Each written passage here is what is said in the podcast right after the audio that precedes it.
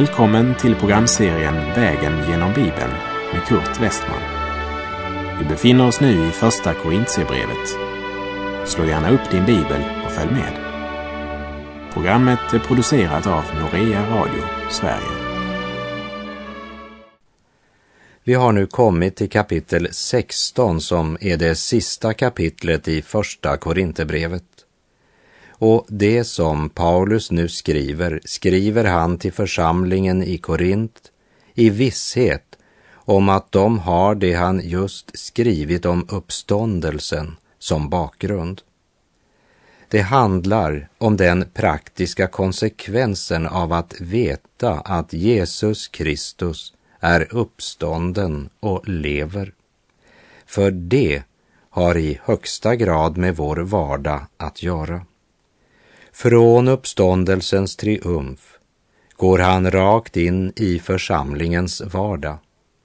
För om en Kristus besegrat döden så står ändå Kristi efterföljare i den dagliga kampen mot synden helt till den dag då de ska läggas i grav eller om de lever till Jesu återkomst så de blir förvandlade i ett ögonblick.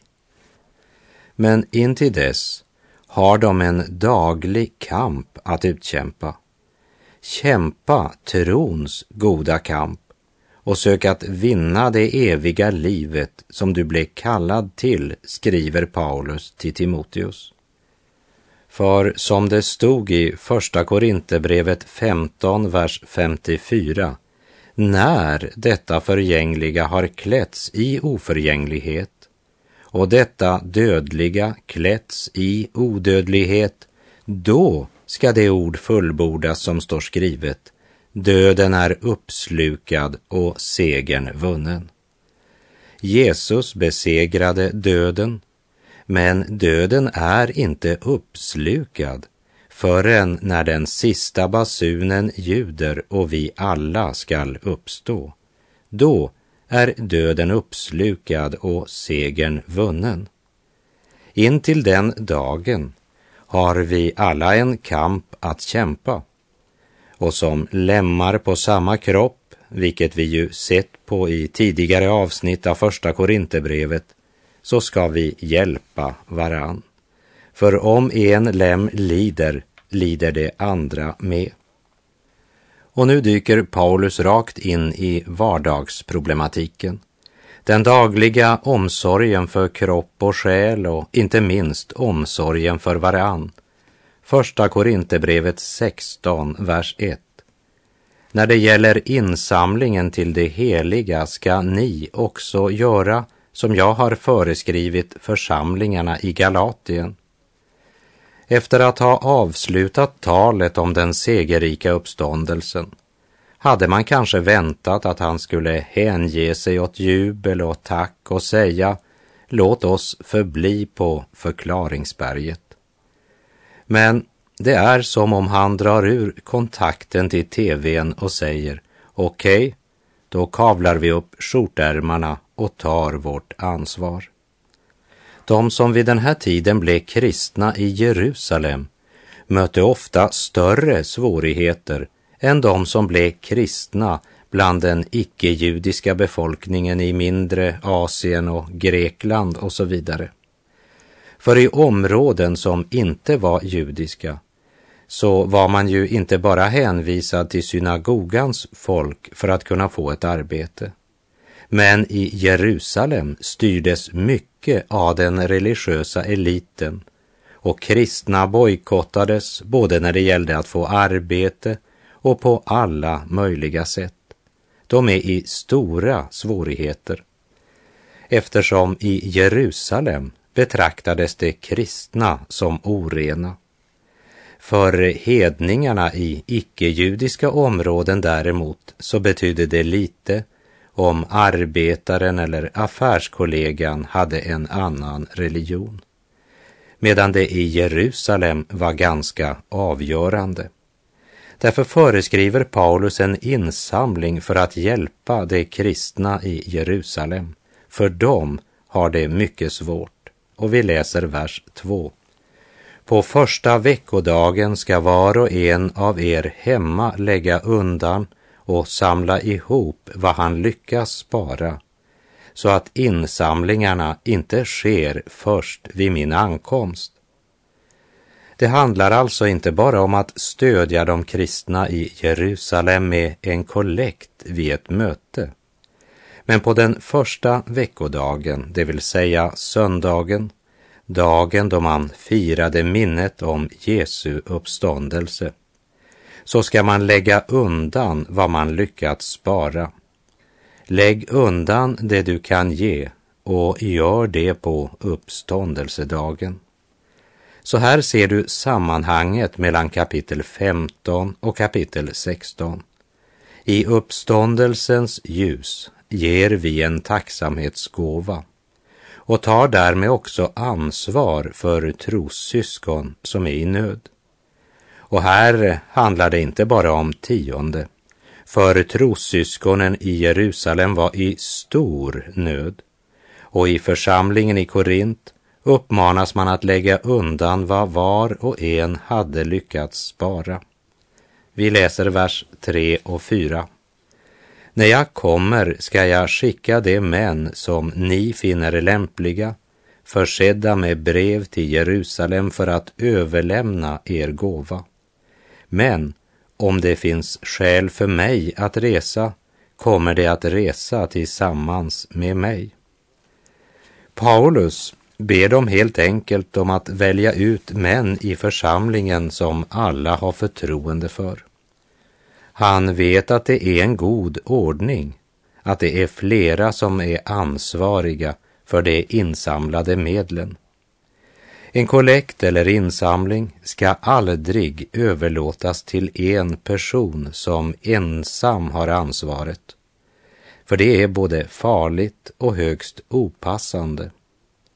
Ordning och god kontroll ska prägla allt arbete i församlingen och då inte minst när det gäller de frivilliga gåvorna. Paulus önskar att gåvan som samlas in i Korint ska vara en frivillig tacksamhetsgåva till den församling från vilket evangeliet kommit också till Korint. Också vi som lever idag borde påminna oss om att vår moderförsamling är de kristna i Jerusalem.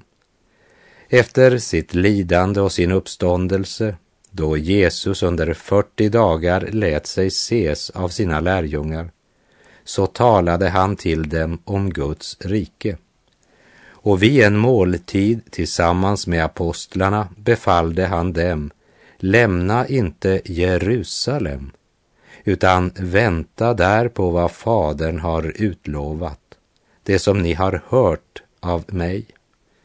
Och efter att lärjungarna utrustats med kraft från höjden så gick evangeliet sitt segertåg från Jerusalem och ut över världen. Be för Jerusalem, be för det Messias troende i Israel och be för hela det judiska folkets frälsning.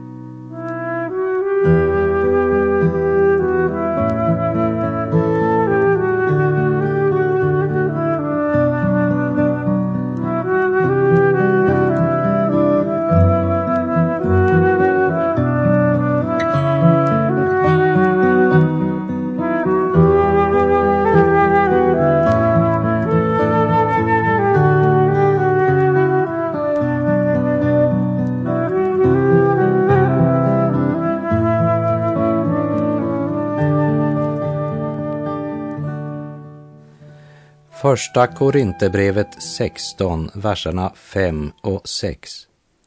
Jag tänker komma till er sedan jag har farit genom Makedonien, för jag tar vägen över Makedonien. Men hos er stannar jag om möjligt en tid, kanske hela vintern, så att ni får utrusta mig för fortsatt resa, vart eh, den nu går.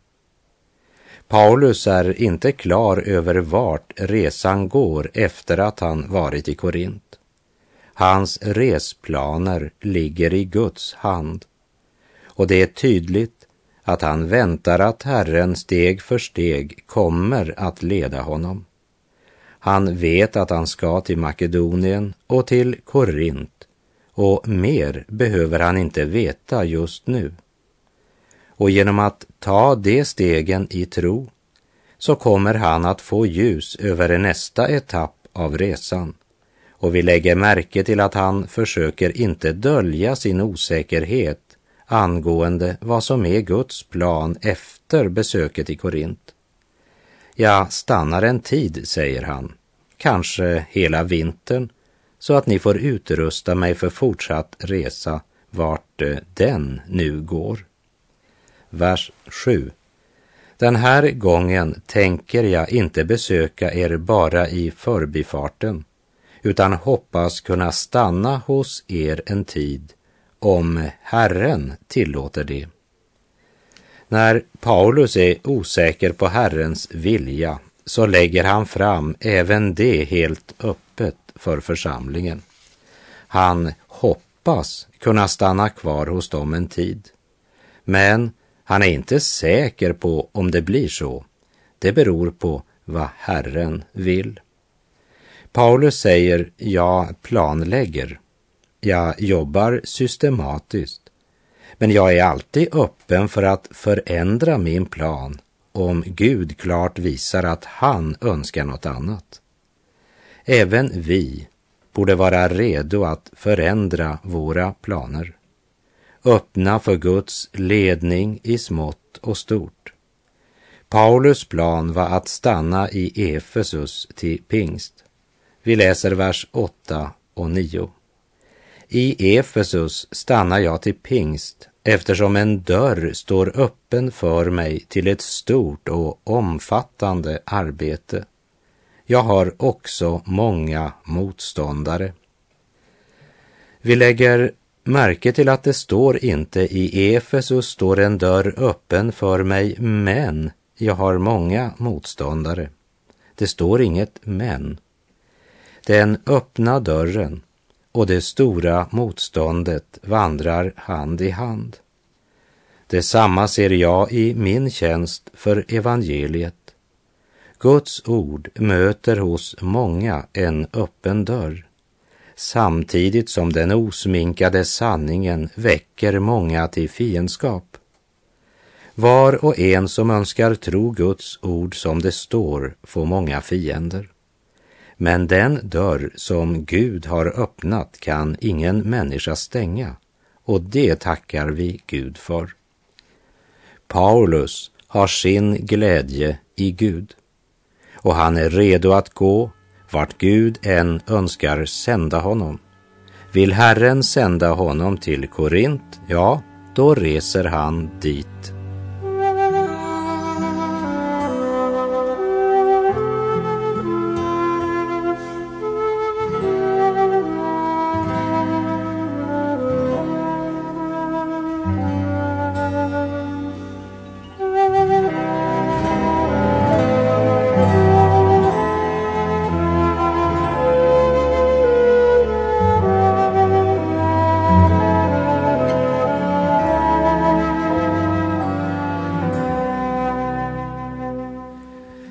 har Paulus också något att säga om några medarbetare. Och innan vi vandrar genom det avsnittet i kapitel 16 så vill jag bara påminna om att staden Korint var ett syndens centrum i det romerska riket på Paulus tid. Och det kallades även för fåfängans marknad. Invånarna bestod av greker, judar, italienare och en stor skara av blandfolk det var sjömän, köpmän, äventyrare och flyktingar från alla håll i det romerska riket som fyllde gatorna. Och staden Korint överflödade av omoral och utsvävningar. Och det var en rotlöshet som präglade allt liv i staden. Och mitt i allt det här vandrade det också några på Korints gator som kände Jesus och levde för honom. Och de höll sig obesmittade av världen. Det var som den stora båten på Atlanten, Den var mitt i vattnet, men vattnet var på utsidan. För om vattnet kom på insidan ville båten sjunka. I världen, men icke av världen. Vi läser första Korinthierbrevet 16, vers 10 och 11. När Timoteus kommer, se då till att han kan vistas hos er utan att behöva oroas. Han arbetar för Herren, liksom jag, och ingen får därför se ner på honom. Sänd honom iväg i frid, så att han kan komma till mig. Jag väntar på honom tillsammans med bröderna. Varför eh, skulle de se ner på Timoteus? Ja, i första Timoteusbrevets fjärde kapitel skrev Paulus till Timoteus. Låt ingen få förakta dig för att du är ung, utan var ett föredöme för de troende i ord och gärning, i kärlek, trohet och renhet. Paulus uppmanar inte Timoteus att hävda sin rätt, men han ska inte låta någon se ner på honom därför att han är ung. Och hur ska han hindra att de ser ner på honom? Jo, genom det sätt på vilket han lever och handlar. Han ska vara ett föredöme i ord och gärning, i kärlek, trohet och renhet. Därför ber Paulus församlingen i Korint att ha förtroende för Timoteus, även om han är ung. Han skulle släppas fram i deras församling så han kunde vittna om Gud. Paulus är helt enkelt orolig för att den unge Timoteus som var både ung och tydligen också anspråkslös inte skulle bli bemött med den aktning som hans ämbete som apostelns medarbetare krävde. Och vi läser vers 12. Vad vår broder Apollos beträffar så har jag ivrigt uppmanat honom att resa till er tillsammans med bröderna. Men han ville inte alls komma nu, utan reser när han finner ett lämpligt tillfälle. Som du minns hade det i församlingen i Korint varit splittring där någon höll sig till Paulus, andra till Apollos, andra åter till Petrus och så vidare. Men Paulus älskade Apollos och önskar att Apollos ska besöka dem igen, för tillsammans tjänar de Herren och det önskar Paulus att poängtera. Vers 13 och 14. Vaka, stå fasta i tron, var manliga och starka. Låt allt hos er ske i kärlek. Stå fasta i tron, det vill säga förbli i det ni har lärt och omsätt det i praktiken i era liv i vardagen. Var på vakt. Var manliga och starka. Våga ta ett uppgör om det krävs. Och när det gäller vaksamhet och uppgör så är det viktigt att allt sker i kärlek. För om ni inte har kärlek har ni ingenting annat heller. Och kärleken är viktigare än en tro som flyttar berg.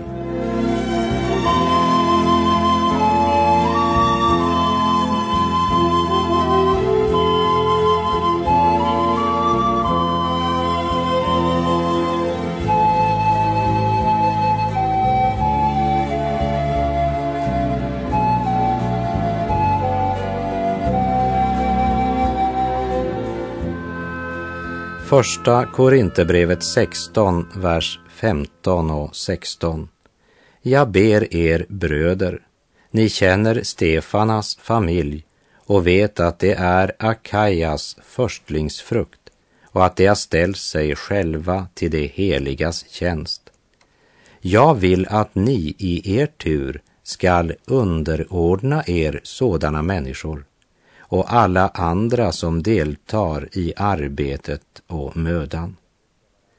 De troende ska vara villiga att böja sig för sådana som Stefanas familj och andra som inte bara ger gåvor till arbetet men som framför allt har gett sig själva helt och fullt för att tjäna Gud och församlingen.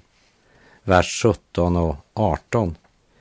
Jag är glad över att Stefanas, Fortunatus och Akaikus har kommit. De har fyllt tomrummet efter er och upplivat min ande, liksom er. Sätt värde på sådana.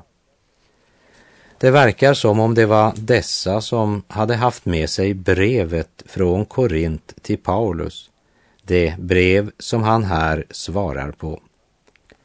Stefanas hade alltså vid sin sida också andra äldste. I femte Mosebok 19, vers 15 står det det är inte nog att endast ett vittne träder upp mot någon angående någon missgärning eller synd, vad det nu må vara för en synd som någon kan ha begått. Efter två eller efter tre vittnens utsago skall var sak avgöras. Lägg också märke till att trots alla problem som fanns i församlingen i Korint upplever Paulus ett tomrum när han inte har mött dem på länge. Men Stefanas, Fortunatus och Akaikus har fyllt det tomrummet efter er, säger han. Och så påminner han om att församlingen ska sätta värde på sådana män. Vers 19 till och med 22. Församlingarna i Asien hälsar er. Aquila och Priska tillsammans med församlingen i deras hus hälsar hjärtligt till er i Herren. Alla bröderna hälsar till er. Hälsa varandra med en helig kyss.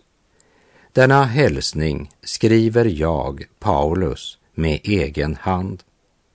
Om någon inte har Herren kär skall han vara under förbannelse, Maranata. Broderkyssen var vanlig i synagogan. Den praktiserades också i de första kristna församlingarna. Och här uppmanar Paulus dem att hälsa varandra med en helig kyss. När jag i november 1993 hade varit tillsammans med den iranske kyrkoledaren Haik Hofsepian. då gav vi varandra en broderskyss på vardera kinden innan vi skildes åt. Och det var sista gången jag såg honom i livet. För han mördades av Irans myndigheter i januari 1994 för sin tro och för sitt helhjärtade liv för Jesus. Ja, det var ju så helhjärtat att han blev martyr. Jag tänker på honom varje gång jag läser första Korinthierbrevet 16.20. Och om än du inte förstår språket så önskar jag ändå att du ska få höra broder Haik Hofsepians stämma från en inspelning som blev gjord året innan han mördades.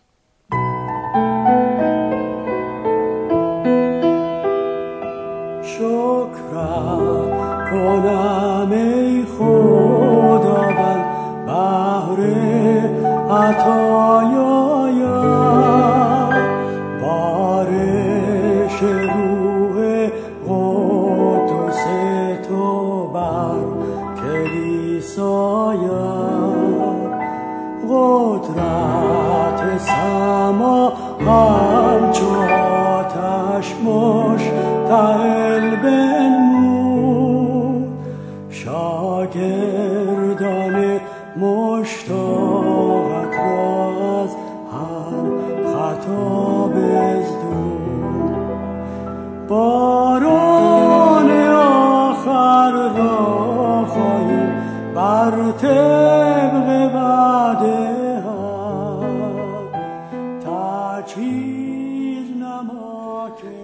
läser i Första Korinthierbrevet 16, verserna 23 och 24. Nåd från vår Herre Jesus åt er alla. Min kärlek är med er alla i Kristus Jesus. Med de orden avslutas första Korinthierbrevet. Genomgångstonen i första Korinthierbrevet har varit att göra upp med det som är orätt. För man kan inte leva i gemenskap med Gud om man inte vill leva i ljuset. Sanningens Gud ingår inte förbund med den människa som drar sig undan Guds avslöjande ljus. Människan måste komma till den punkten att hon mitt i all sin brist och skröplighet önskar att bli ärlig mot sig själv, ärlig mot sin Gud och ärlig mot sina medmänniskor. För det hör ihop allt sammans. Det har vi sett i första Korinthierbrevet. Om tron bara blir några teoretiska sanningar som man griper med sitt förstånd, men som inte får tränga ner på djupet och omskapa våra hjärtan, så är det värre än opium. För det är inte falsk tröst den i synden förlorade människan behöver. Men hon behöver möta honom, vars ljus avslöjar absolut allt för att sedan skänka fullkomlig förlåtelse och sann tröst i kraft av Guds helige ande. Hör detta, min vän. Gud önskar ta itu med problemen i ditt eget liv. Och jag råder dig att låta Gud börja där han vill. Guds nåd vill inte bara lösa dig från syndens skuld, men också från syndens makt. Nåd från vår Herre Jesus åt er alla. Min kärlek är med er alla i Kristus Jesus. Varför pekade Paulus på så många saker i församlingen i Korint som de måste ta itu med och göra upp och förändra? Jo, därför att det handlar om uppståndelsen och om Guds nåd. Och för den som mottar Guds nåd i sitt liv blir det ständigt nya uppgör. För man kan inte leva i gemenskap med Gud om man inte vill leva i ljuset. Och med det så är vår tid ute för den här gången. Så ska vi i nästa program åter till en bok i det gamla testamentet igen, nämligen Esra bok. På återhörande, Herren vare med dig. Må hans välsignelse vila över dig. Ta emot Guds nåd och lev i ljuset, alltid redo till uppgör och förnyelse. Gud är god.